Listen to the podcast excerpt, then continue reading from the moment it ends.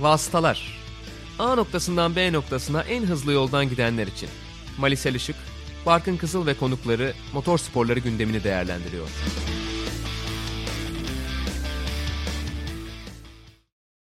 Sokrates Podcast'te Vasıtaların 64. bölümüne hoş geldiniz. Türkiye Grand Prix'sinin ardından ben Barkın Kızıl, Malisel Işık'la beraber sizlerle birlikteyiz. İkimizin de padokta deneyimlediği bir Grand Prix oldu ve aslında üstünde konuşacağımız çok fazla da şeyimiz var. Hem padok deneyimlerimizi konuşacağız hem de yarışı yorumlayacağız her zaman olduğu gibi. Biraz da herhalde Türkiye Grand Prix'si özel bölümü gibi olacak diyebiliriz. Türkiye Grand Prix dediğinde zaten özel bölüm oluyor bence. Evet yani başlı başına zaten çok özel bir etkinlik gerçekten. Ama biz orada olduğumuz için ayrıca bizim için de özeldi tabii ki. Yani. Evet ne zaman bir daha olur onu da bilmiyoruz. O yüzden tabii daha da özellikli olacak yani uzun bir süre sonra. Umarız en kısa zamanda olur. Umarız sıklıklı olur. Umarız sürekli olur. Olsa çok güzel olur. Çünkü iki sene üst üste olunca gerçekten çok belli bir oranda geçtiğimiz sene çalıştığımız şeylerin üzerine koyabildik yani biz ekip olarak işte sport olsun. Devam devamlı olan şeylerde çok daha güzel bir durum ortaya çıkıyor ama bir sürü faktör var. Hepsinin bir araya gelmesi gerekiyor. O yüzden hani onların detaylarına çok fazla girmeyeceğim. Ama uzun süreli geliyor olsa çok güzel olur açıkçası. Devamlı bir şekilde geliyor olsa gerçekten keyifli olur. Evet, Sen ilk defa şey bu de sene var. Podok'taydın.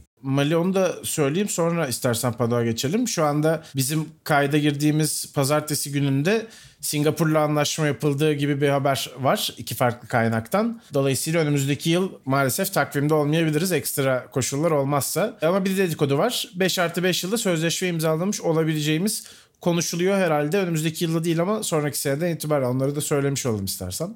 Yani gerekli görüşmeler yapılmıştır mutlaka. iki tarafında işte Formula 1 tarafının da bizim tarafında çeşitli şartları vardır. Ortada buluşurlarsa gerekli şartlar sağlanabilirse yaparlar. E ama şey bence yani takvimde olmamamız önümüzdeki sene Türkiye Grand Prix'si olmayacağı anlamına da gelmeyebilir. Çünkü Evet, iki doğru. senedir takvimde yoktuk ve Singapur bu konuda anlaşmayı uzatıyor da olsalar çok titiz bir ülke. Dolayısıyla seneye Covid belki tamamen bitmiş bitmek üzere olsa dahi onlar daha fazla dikkatli davranabilirler. Belli olmaz seneye de Türkiye Grand Prix'si düz- düzenliyor olabiliriz. E, O yüzden takvimde olmamak garanti yerimiz henüz olmaması anlamına geliyor. Yine iptal olacak yarışlar içerisinde Türkiye yedek pistlerden ön plana çıkacaktır diye düşünüyorum. Böyle umuyorum. Evet bir de o yedek pistlerin sanki zirvesinde de varmışız gibi duruyor bence. İlk fırsatta E, öyle tabii. genelde hani bize de geliyor mutlaka. Türkiye'nin jeopolitik konumu biliyorsun yıllarca derslerimizde gördüğümüz. Gerçekten öyle. Onun dışında ya Singapur'un tabii anlaşmayı imzalıyor olması Singapur Grand Prix'sinin Formula 1'e değer verdiğini ve Formula 1 ile devam etmek istediğini gösteriyor. Çünkü onunla ilgili çeşitli söylentiler vardı. Pistin bir kısmında bir bina inşaatı var. Dolayısıyla o pistin etrafını ya daha doğrusu pisti onun etrafından mı dolaştıracaklar yoksa bu yarıştan Grand Prix'den umutlarını kestikleri veya işte bunu istemedikleri anlamına mı geliyor gibi bir ikilem vardı. Anlaşma sağlanırsa önümüzdeki yıl yarışı kesin yapmak değil uzun yıllar Formula 1'de kalmak için olacak o anlaşma. Sağlık şartlarına getirir bilmiyorum ama Singapur ikna olmazsa Formula 1'in veya işte dünyanın %100 güvenli olduğundan e, o yarışı yine yapmayabilirler. Bu sene öyle pek çok yarış kaybettik. Sonuçta Japonya Grand Prix'si onlardan bir tanesiydi. Çin Grand Prix'si yoktu. Avustralya yoktu. Bunların hepsinin yedek planları var tabii ki. O yüzden Türkiye Grand Prix'si o Grand Prix'lerin yapılamama ihtimali halinde yine en ön plana çıkan organizasyonlardan bir tanesi olacak. Çünkü yine başarıyla geride kalmış bir iş vardı hepimiz adına. E, Sen de bu sene ilk defa padokta yer aldın Türkiye Grand Prix'sinde. Evet ya nihayet ben de gerçekten o havayı soluyabildim ki çok güzeldi gerçekten. Çok özel bir tecrübe oldu benim için. E sen tabii daha önce de görev aldığın için hani bana göre ben çaylak sayılırım sana göre öyle söyleyeyim. İlk gün biraz böyle şey oluyor. Sudan çıkmış balık gibi ya burası neresiydi? Şu tarafta ne var? İşte biraz dolaşayım, bakınayım ama ikinci günden itibaren aslında çok öyle kendini Pado'a ait hissediyormuşsun. Bunu gördüm. Gerçekten hani orada sanki çok uzun zamandır varmışım gibi hissettim açıkçası ben. Tabii çok güzel bir atmosfer. Yani takım çalışanlarını görmek bile çok özel. Otoparktan beraber iniyoruz işte. Yürüyoruz yukarı doğru. E, sürekli olarak o Formula 1 sirki deniyor ya onun içinde hissediyorsun kendini.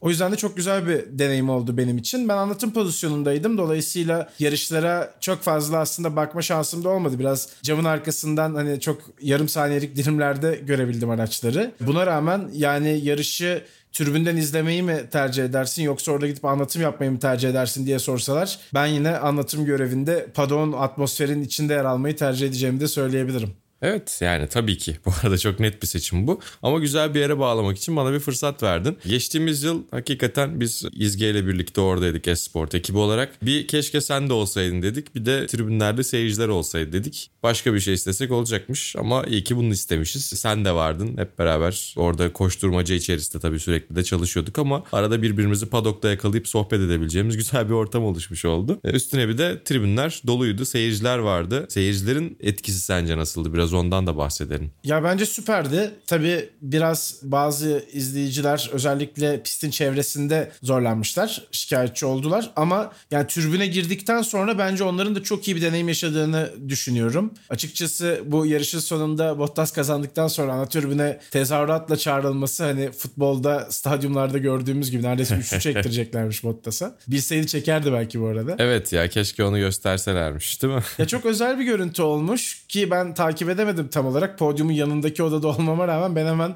fotoğraf için pusuya yatmıştım çünkü. Çok gerçekten hoş. Ben de sonradan izleyebildim. Bu arada Serhan abi de galiba oraya dahil olmuş. Sevgili Serhan Acar. Bence hiç unutmayacakları bir deneyim yaşadı diye düşünüyorum izleyenler. Özellikle de ana türbünde gerçekten hani böyle olaylı bir seyir keyfi, keyifli anlamda söylüyorum. Bir seyir zevki yaşadı herhalde. Formula 1'i takip eden kişiler. Yağmur altında bu arada tabii üstü kapalı olmayan bölümlerden izleyen izleyiciler için de çok korkunç bir hani ıslanma vesaire durumu olmadığını ben duydum etrafımdan. Çok hafif yağmur oldu çünkü pazar günü özellikle. Onun da etkisiyle belki hafif hafifti. Cumartesi sabahtan yağmur vardı. Zaten öğleden sonra kuruydu. Yani böyle 2020'deki gibi hava şartları olsa tabii insanlar daha fazla zorlanabilirlerdi doğal olarak. Ama o açıdan da bence bir tık daha şanslı bir hava vardı sanki. Bana öyle geldi en azından. Evet bence de öyle. Yarışı da enteresan hale getirdi aslında konuşuruz. Çünkü yarıştan önce daha çok yağdı. Yarış başladığında işte çok hafif çiseliyordu ama pist ıslak kaldı. Yine de yağmur olmadı. O yüzden işte geçiş lastikleri daha çok tercih edildi vesaire. O anlamda da enteresan oldu. Ama yani ben de sana hadi şunu sorayım biraz üstünde konuşalım istersen. Bu tarihlerde bir Türkiye Grand Prix'si mi yoksa yazın ortasında güneşli bir Türkiye Grand Prix'si mi olmasını istersin? Herhalde izleyiciler daha rahat olmak için yazı tercih ederler. Türbünde takip edecek yarış severler. Ama sence hani yarışın daha iyi olması için, daha keyifli hale gelmesi için hangisi daha ideal olur? Ben de sana bunu sorayım madem. Ya şöyle kendi adıma konuşursam ben de yazı isterim. Çünkü herkesin işi daha kolaylaşıyor soğuk olmadığında hava. İnsanların işte yukarıda veya işte herhangi bir yerde koştururken üşümemesi, beklerken işte yorulmaması, seyircilerin daha rahat gelip gitmesi açısından. Bence yazın daha iyi olurdu. Seyir zevki açısından da tabii işte yani hani kuru ya da ıslak size garanti bir şekilde iyi yarış vermiyor. Ama Intercity İstanbul Park bence kuruda da ıslakta da keyifli yarışlar çıkartabilecek potansiyele sahip. O yüzden genel olarak baktığımda e, yazın daha güzel olur diye düşünüyorum. Bir de insanlar daha böyle bir festival havasıyla gelip orada işte fan zone'da yapılan etkinlikleri şunları bunları daha uzun süre takip edebilirler. O şeyi yani yarışın da ötesine gelebilecek festival ortamını bence yazın yaratmak daha da kolay olur diye düşünüyorum. Bence yazın daha güzel ya güneşli güneşli. Evet bence de ya bu arada. Bir de tabii Covid'siz olsa keşke. E tabii ki zaten. O da, o da çok farklı olur. Yani padon içinde dahi hissediliyor çünkü Covid'in etkisi. Tabii bir de yani sen geçen seneyi görmen lazımdı. Geçen sene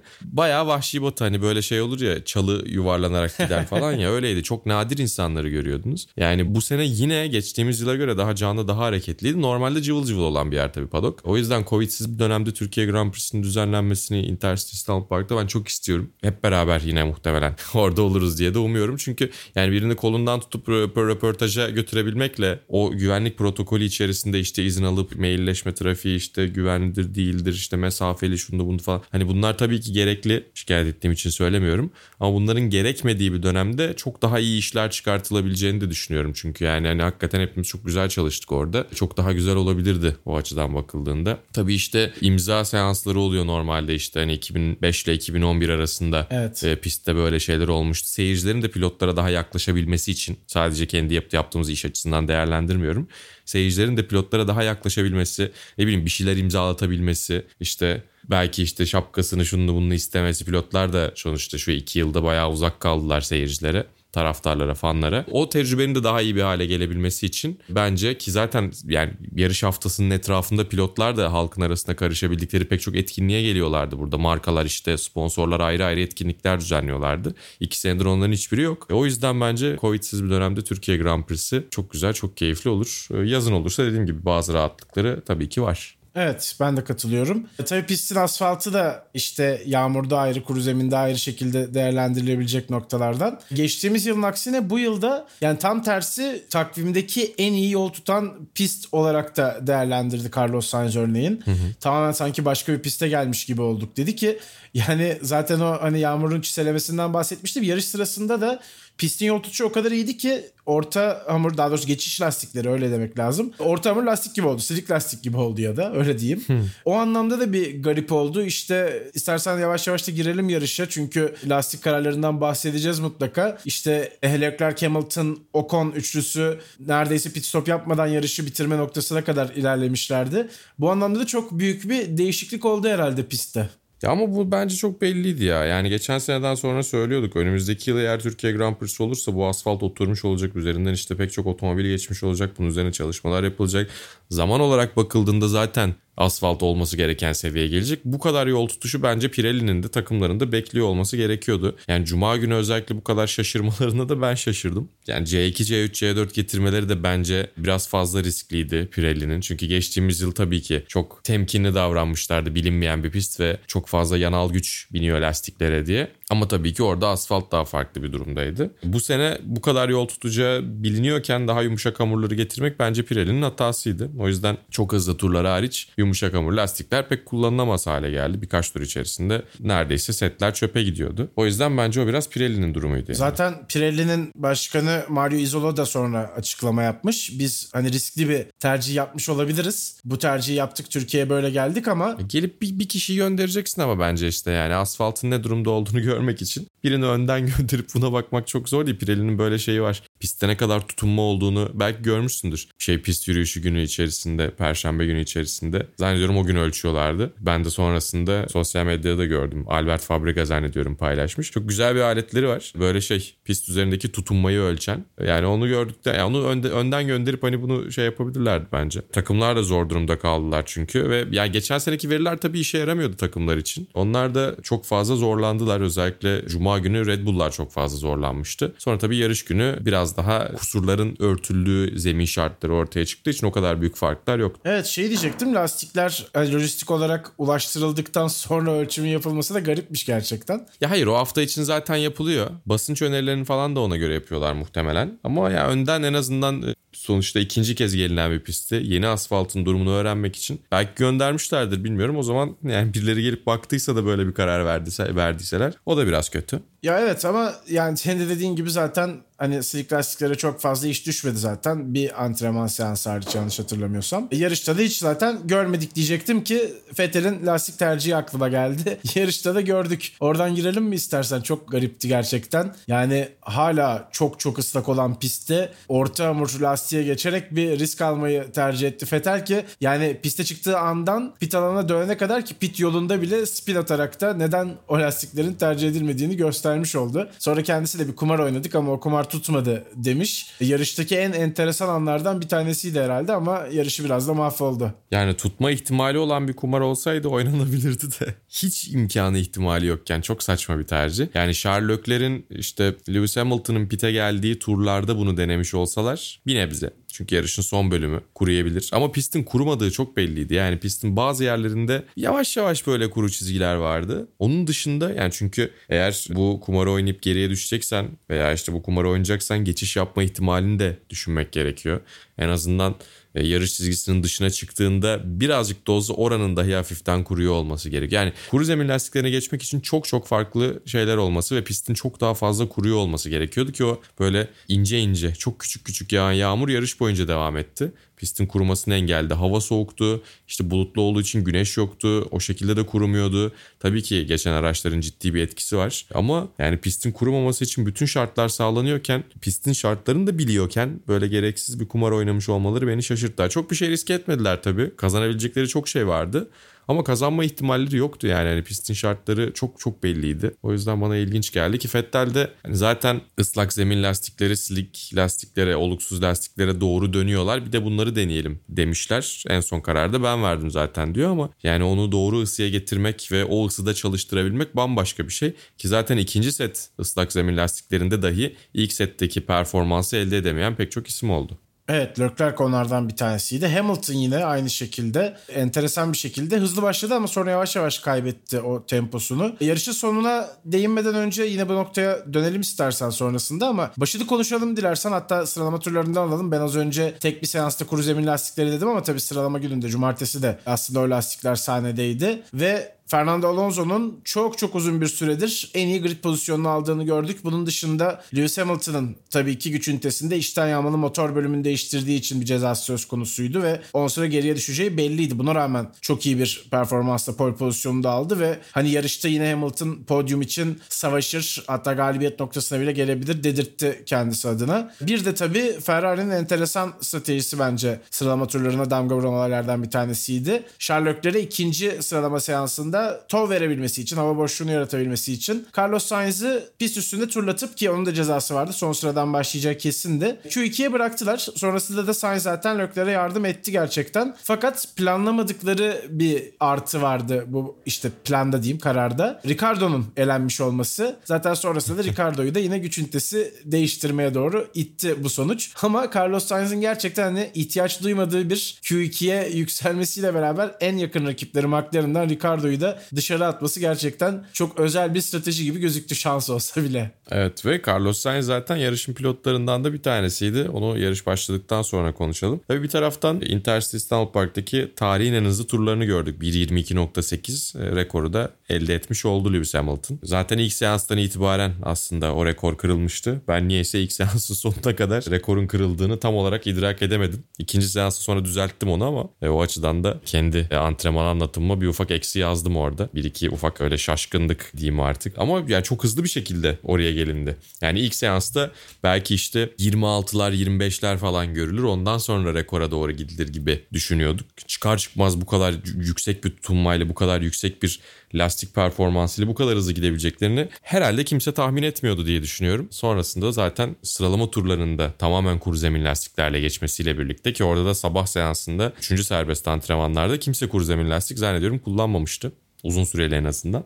Deneyen belki olmuştur ama sanki denemediler diye de hatırlıyorum. Baştan sona kuru zemin lastikleriyle ve yani şu anlarda belki olumlu bir not Mercedes için olabilir. Normalde sıralama turlarında Türkiye'de sıralama turlarında gördüğümüz şartlarda Mercedes lastikleri ısıtmakta problem yaşıyordu. Bu sefer çok problem yaşamadılar. Bu tabii ki pistin tutunmasıyla alakalı olabilir lastikleri daha kolay idealisteye getirmişlerdir. Ama buradan elde ettikleri verilerle bir şeyler çözebilirlerse belki bu sezonki en büyük yumuşak karınlarını sezon sonuna doğru çözmüş olabilirler. Tabii soğuk hava onları nerede karşılayabilir onların ihtimallerini de konuşmak lazım. Muhtemelen Katar'da, Cidde'de veya Abu Dhabi'de öyle bir problem yaşamayacaklardır ama Austin'de ve Brezilya'da böyle bir problem yaşayacaklarsa belki ona göre de veriler toplamışlardır. Güzel bir sıralama turuydu. Sıralama turlarından sonra tabii 10 sıra grid cezası olduğu için pole pozisyonunun aslında Bottas'a gitmesi gerekiyordu. Hamilton'da o verilen küçük lastiği imzalayıp Bottas'a hediye etmiş ki zaten 2018'den beri mi? 2017 veya 18'den beri veriliyor. Onların çoğu Hamilton'a gidiyordu. Nereye gittiğini de bilmiyor. Nerede biriktiğini de bilmiyor. İlk başta bir de tam boyut lastik veriyorlardı. Yani iyice.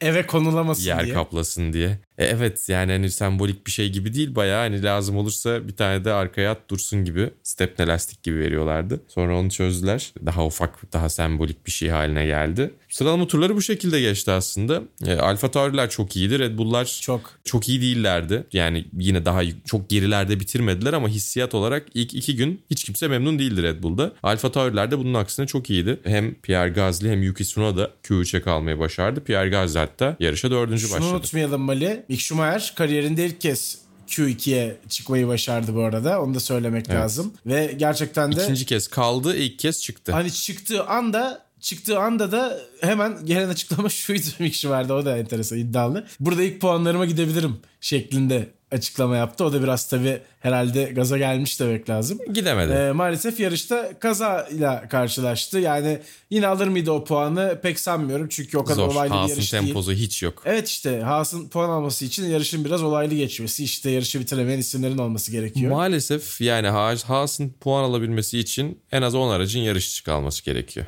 yani zaten o durumda. Gerçekten. Yani bak başka türlü mümkün değil. Yani olaylı bir yarış olabilir bu arada bu. Ama çok zor bence. Onun dışında tempo ile çünkü çok geride kalıyorlar. Özellikle tabii ki yani İstanbul gibi bir pistte, Intercity İstanbul Park gibi bir pistte çok çok zor. Çünkü yani tamamen Haas'ın zayıf karınlarının ya zayıf ya yanlarının ya da ortaya çıktığı bir pist burası. Hem yüksek downforce hem orta şiddette hem işte e, yüksek hızlı virajlar var. Yani her anlamda Haas'ın yapamadığı ne varsa bu pist sizden onu istiyor. O yüzden zaten çok mümkün değildi ama tabii ki Mickey Q2'de görmek güzeldi. Fransa'da kırmızı bayrak çıkartarak Q2'ye kalmıştı. Sonra da piste çıkamamıştı. Burada ilk kez Q2 turlarını attı. Evet zaten Haaslar yarış içinde de çok geriye düştüler. Mick Schumacher de son anda bu arada Mazepin'i tekrar geçmeyi başardı onu da söyleyelim. Hı hı. O anlamda yani evet puan alamadı tabii ama sonunculuktan kaçtı diyelim en azından. yarış startındaki kazadan bahsedelim dilersen. Evet. Tabii biraz Perez'in de sıkıştırmasıyla beraber Pierre Gasly temastan kaçamadı. Fernando Alonso'ya bir spin attırdı hemen ilk virajda.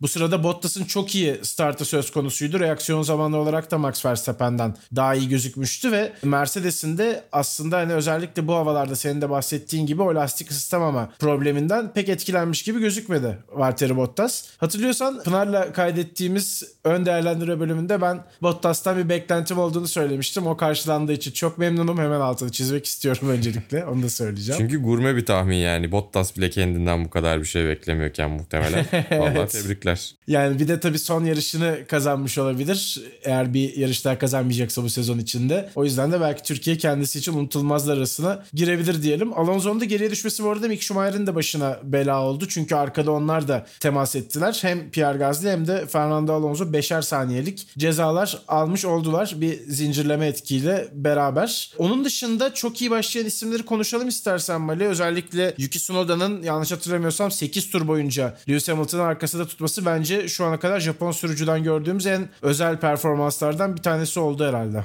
Yani bir kere senin de söylediğin gibi Hamilton'ı arkasında tutmak bayağı başarıydı. Aracını güzel konumlandırdı. Sene başından beri Sunoda'nın en iyi sürüşlerinden birini görmüş olabiliriz yarışın ilk bölümünde. Starttaki kazada Pierre Gasly'e verilen ceza ağır mıydı değil miydi çok tartışılmış. Önce çoğunlukla Pierre Gasly suçlu dendi. Sonrasında yarıştan sonra gelen düzeltmeyle birlikte tamamen Pierre Gasly suçlu deniyor. Ama tabii ilk tur ve ilk viraj temaslarında Özellikle içeride bir araba varken bu kadar net bir ceza bu kadar sert bir şekilde verilir mi verilmez mi biraz tartışılmış. İlk turda ilk virajda biraz daha müsamaha gösterilmesine dair de yorumlar gördüm ben. Sen ne dersin o konuda? Biraz onu da tartışalım. Yani şöyle bakmak lazım. Fernando Alonso'nun yarışı biraz mahvoldu tabii öyle olunca ki hiç toparlayamadı zaten o noktadan sonra. E, dolayısıyla ben biraz adil buluyorum. Hani olaydan bağımsız olarak ki gerçekten temas sağlayan tarafta Gazli. Dolayısıyla benim için hani geçerli olabilecek bir ceza. 5 saniye ceza da zaten hani minimum ceza oluyor. Dolayısıyla bence anlaşılabilir bir karar diyebilirim. Çünkü gerçekten Fernando Alonso buradan puanlara da gidebilirdi. Zaten Türkiye'deki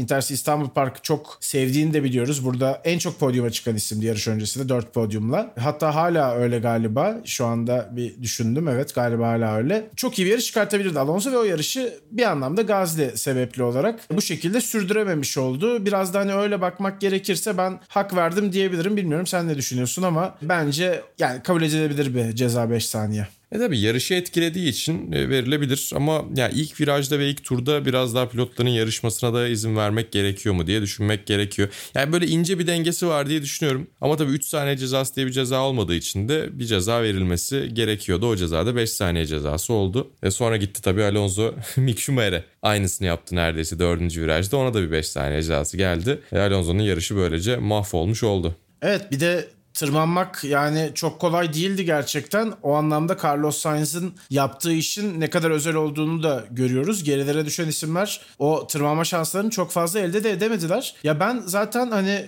bu hafta sonunda en ileriye gitmiş işte Rusya'dan buraya performanslar olarak bakıyorum ki tam olarak Rusya'dan da bakmamak lazım. Hani son dönemlerde diyelim. Takımlar olarak Mercedes, Ferrari ve Alfa Tauri'yi öne çıkartırdım. Bilmiyorum sen de öyle düşünecek misin ama bence gerçekten bu üç takım çok hızlı hızlanmış gözüktüler. Yani Mercedes'in Red Bull'a kurduğu üstünlük ki Red Bull cephesinde özellikle süspansiyon ayarlarıyla ilgili pistteki yol tutuşu tam olarak anlayamamaktan ötürü bir sıkıntı olabileceğini söylemişti Christian Horner. Belki onunla da ilgili olabilir ama Bottas gerçekten baştan sona çok dominanttı ki antrenmanlarda da Hamilton yine aynı şekilde Bottas'la beraber. Ferrari hiç beklemediğimiz kadar iyiydi. Güncelleme gerçekten işe yaramış. Sherlockler gerçekten de podyumda olabilecek bir yarışı geride bıraktı. Onların da tabii verdiği kararı belki tekrar konuşuruz. Çok da enteresan bir diyalog da var yarış mühendisiyle.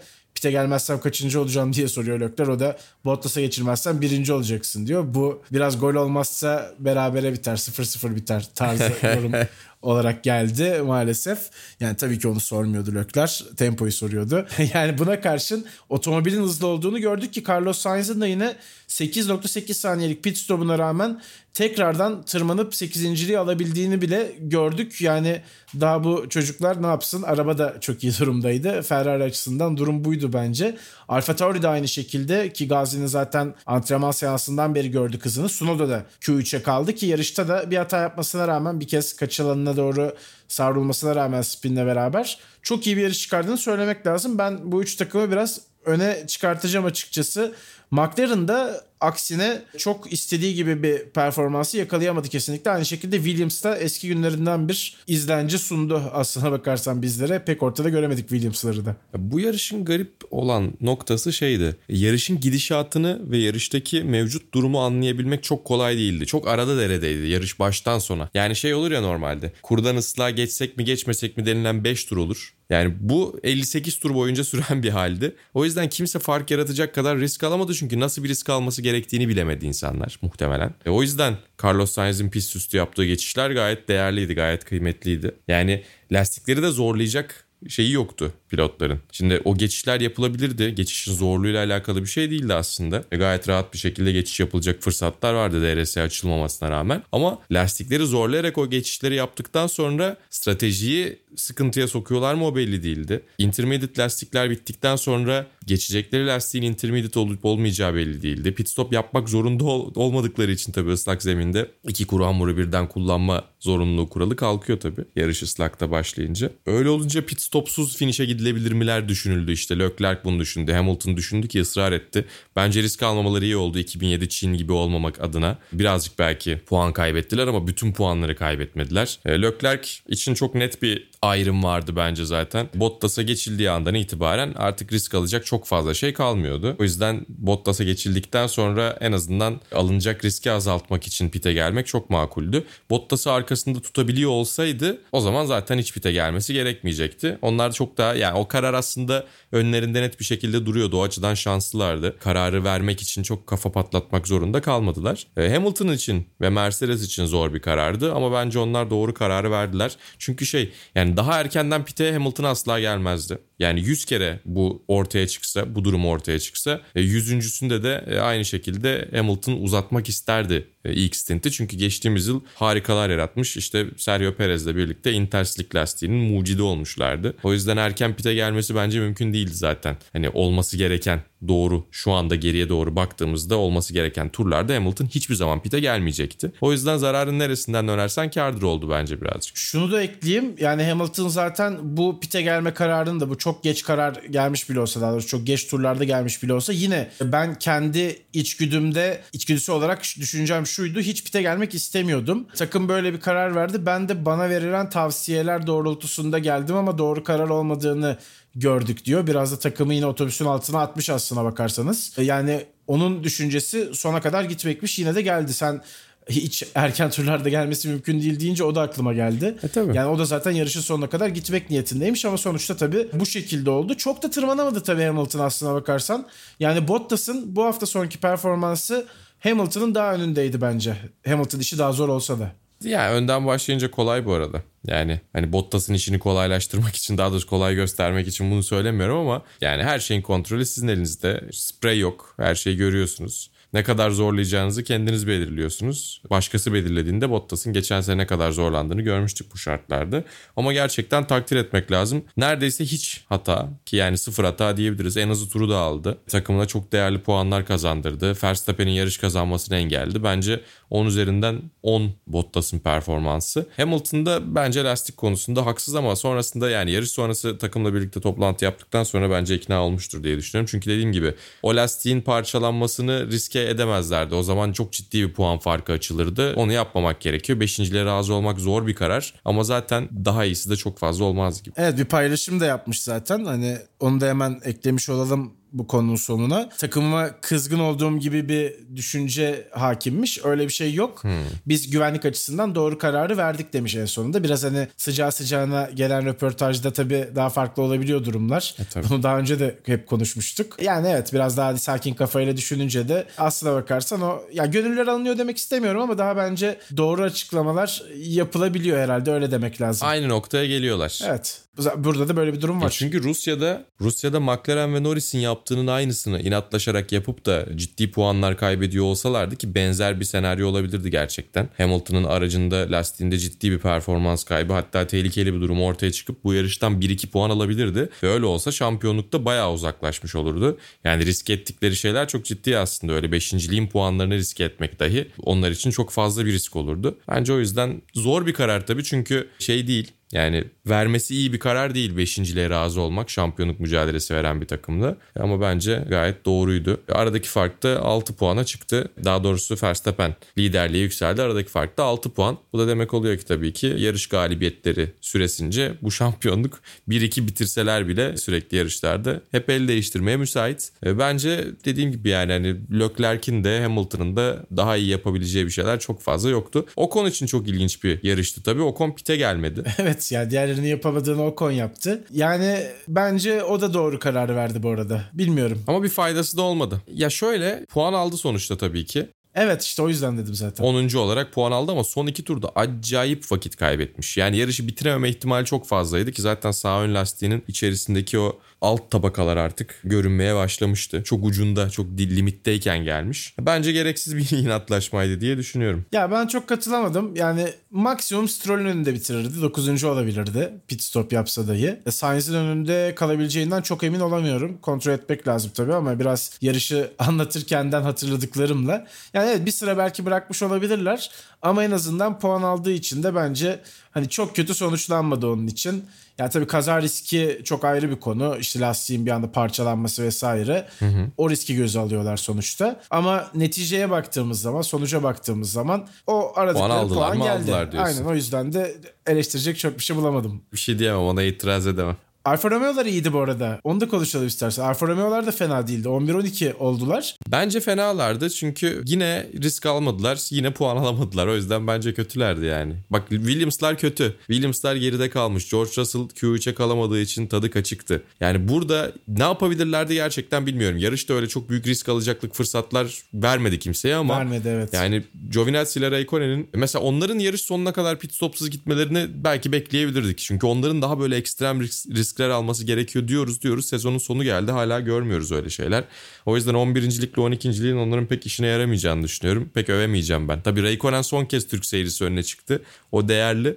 Ama bence yine iyi bir şeyler yapa- yapabildiklerini düşünmüyorum. Ya iyi demek çok zor evet ama fena değildi dedim ben de galiba yanlış hatırlamıyorsam. 11-12 Eh. yani hep 11-12 olsalar arada böyle puanlara gitseler o zaman gerçekten anlaşılabilir ama istisnai bir 11-12 gelince e o zaman ben de fena değil demekle biraz yükümlü hissediyorum kendimi. Doğru. Ya bir de kimi Normalin geçeceklerdi? Kimi geçeceklerdi hani onu düşünüyorum. Belki işte Stroll Ocon ikilisini zorlayabilirlerdi gerçekten. Çünkü Sainz'ın performansı iyi de Norris de sessiz sedasız gitti. Bir yedincilik aldı. Evet. Yani geçecekleri çok da birisi yok bir de öyle de bakınca o da aslında Ee, evet. bu sonucu biraz açıklıyor belki onlar için. Evet. Takımlar şampiyonası diyelim biraz da bence. Mercedes yine de farkı açmayı başardı ufak da olsa. Asıl bence üçüncülük mücadelesi acayip keyiflendi. Ferrari'nin aldığı puanlarla birlikte aradaki fark 7,5 puana düştü. Alpine'le Alfa Tauri arasındaki fark da yalnızca 12 puana indi. Pierre Gasly'nin tabii ki yine getirdiği değerli puanlarla birlikte. Hem beşincilik hem üçüncülük mücadelesi acayip keyif veriyor. Evet yani 3 ayrı ikili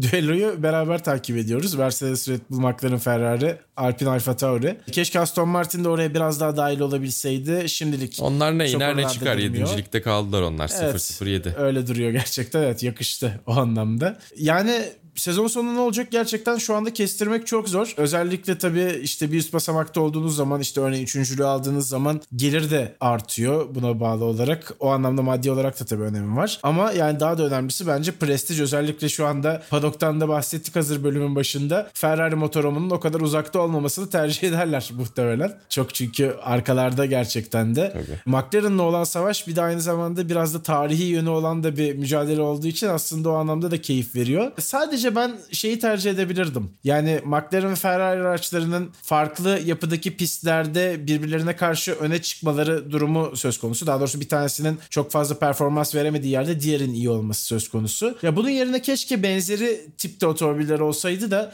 hani bazı yarışlarda değil bütün yarışlarda mücadele ettiklerini görebilseydik. Hmm. Yani bu üçüncülük, dördüncülük, beşincilik için olur ya da arkada biraz daha yedincilik, sekizincilik Pist için üstü olur. mücadele de olsaydı sadece Evet. puan tablosunda olmasaydı diyorsun. Böyle Haklısın olunca valla. çünkü şey pistte hani birbirleriyle çok kapışmıyorlar aslında ama yarışların sonuna baktığımız zaman puan durumu hep çok yakın gidiyor gibi bir durum oluyor. Hmm. Ee, sadece onu tercih edebilirdim herhalde bu sezonla alakalı bu mücadelede. Evet doğru. Ben de katılırım sana. Daha güzel olabilirdi.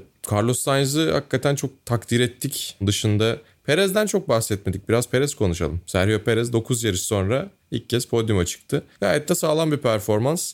Bence Lewis Hamilton'a yaptığı savunmayla birlikte de acayip bir e, destek ve takdir topladı Red Bull cephesinde. Evet bir de tartışılan tabii karar vardı pit yolunun başındaki dubanın öbür tarafından dönüp ceza almamasıyla alakalı. Sen ona ne diyorsun Mali?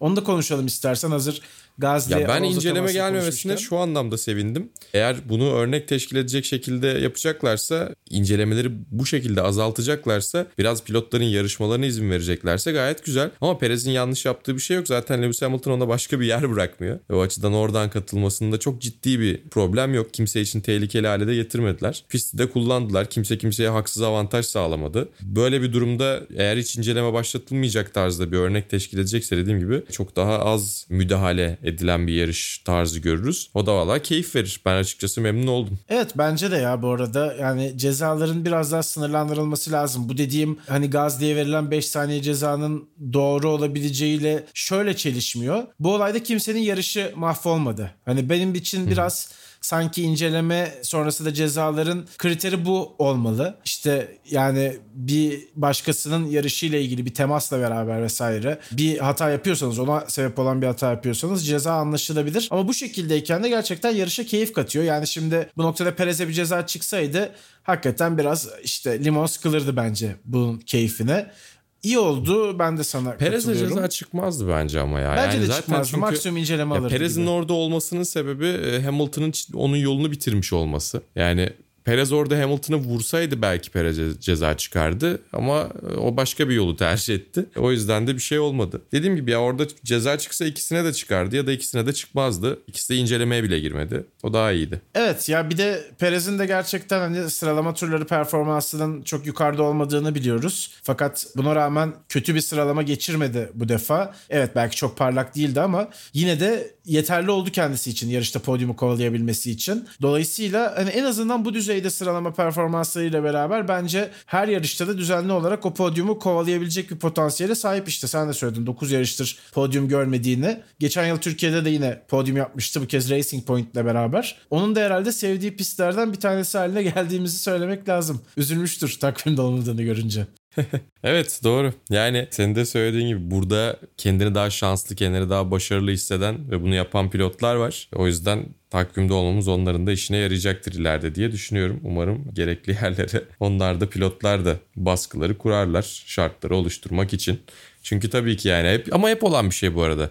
Yani Türkiye takvimde olmadığı zamanlarda her zaman pilotlara sorduklarını ki basın toplantılarını severler o tarz soruları. Anket sorularını. İşte hangi takvim hangi yarış takvime dönsün dendiğinde Türkiye'yi çoğunlukla söylüyorlardı. İlk üçte söylüyorlardı. Ki zaten aslında e, şu son iki yılda takvime de yedek listeden giriyor olmamızın sebeplerinden bir tanesi o. Müthiş bir tesis, müthiş bir pist. O anlamda bakıldığı zaman da tabii ki tercih sebebi oluyorsunuz. Ama onun devamlılığı için dediğim gibi farklı şartların bir araya gelmesi gerekiyor. Umarım onlar da e, yaşanır. Ya biz orada olmaktan çok keyif aldık bu hafta. Biraz aslında izlenimlerinden şu an şöyle de bahsetmek gerekiyor belki de Barkın. Motoron falan deyince yine aklıma geldi. E, En beğendiğin, en gözüne hoş gelen motoronlar hangileriydi? Aa evet onu konuşalım gerçekten. Değil mi? Yani 3 tane hadi öne çıkaralım istersen ikimiz de öyle bir sıralama yapalım. Bir Aston Martin herhalde. En fikiriz değil mi onda? Ben şöyle bir karışık atayım.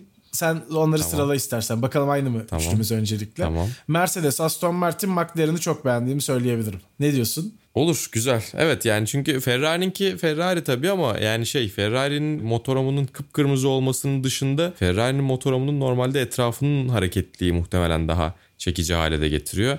E bir taraftan dediğin gibi garajın çok garaj geride olduğu için padokta da çok ileride Evet. e, yer alıyor onlarınki. Onlar tabii biraz puan kırıyor. Aston Martin kesin bir. McLaren da güzeldir ona da katılıyorum. Özellikle dışındaki o giydirmeleri şunları bunları falan da dahil olmak üzere. Mercedes'inki de daha böyle bir şey İskandinav mimarisi gibi böyle Evet, kuzeyde evet. bir e, lüks bir e, şey. Benim çok sevdiğim tarzda bir mimari o. O yüzden Aston Martin, Mercedes, McLaren diye sıralarım ben. Mimari tasarım kitapçıklarında örnek çizimler olur ya Mercedes'inki biraz ona benziyordu. Mesela. Gerçekten ya da keşfetine çok şık. düşer böyle güzel mimari sayfalar Evet. Instagram keşfette beğenir geçersin öyle onlarınki. Bahçe daha doğrusu o balkonuyla genelde Lewis'in Rolls-Royce'la takıldığı.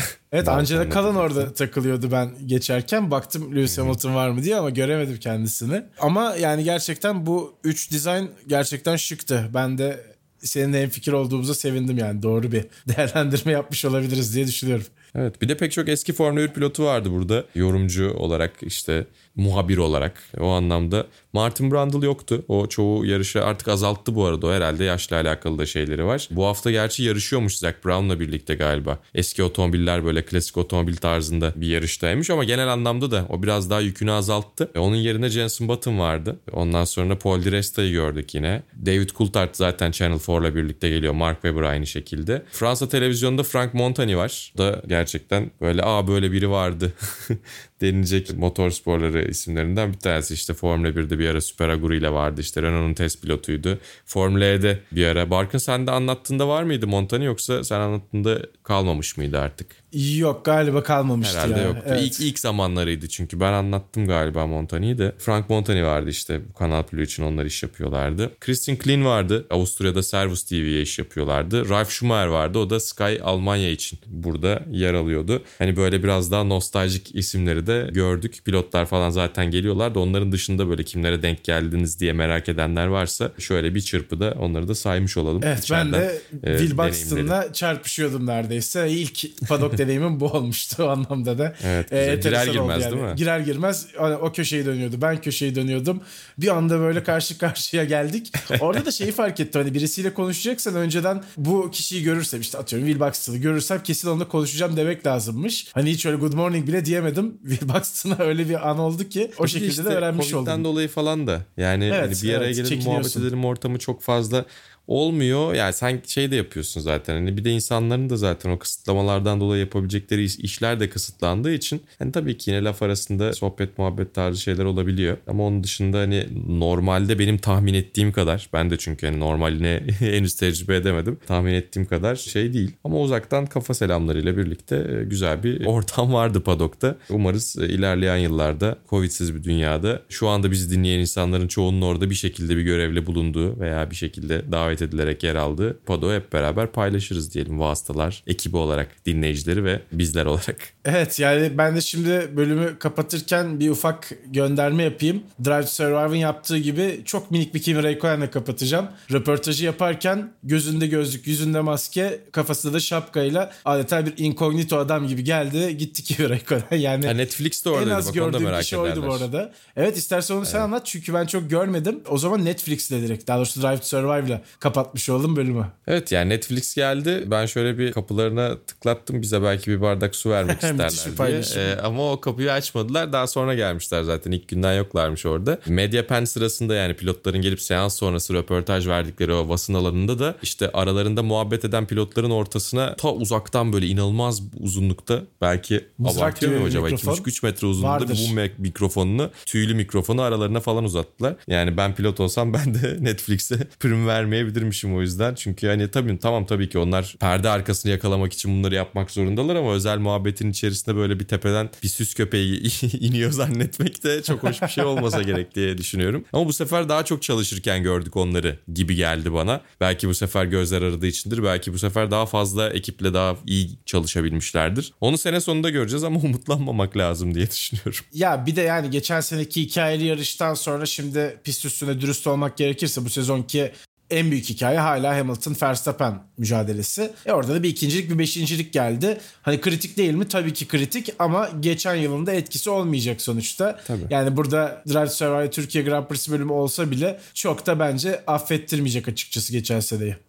bu sefer bir tane bölüm ayırırlarmış düşünsene o kadar fazla hikaye olmasına olabilir bu arada ya. Yani çok beklenebilecek bir durum. Özür dileme mahiyetinde de böyle yaptık diye de açıklama yapabilirler. Bakalım ne olacak göreceğiz. Zaten özel bölüm yapıp yapmayacağımızı da hala kararlaştırmış değiliz. Muhtemelen Bir yapmayacağız. izleriz ona göre bakarız Evet, ya. Bu sefer garanti öyle. değil bence. Peki o zaman bu şekilde de Vasıtaların 64. bölümünü kapatalım. Ben Barkın Kızıl, Malis Erişik'le beraber bir sonraki bölümde tekrar görüşünceye dek sizlere hoşçakalın diyoruz. Hoşçakalın.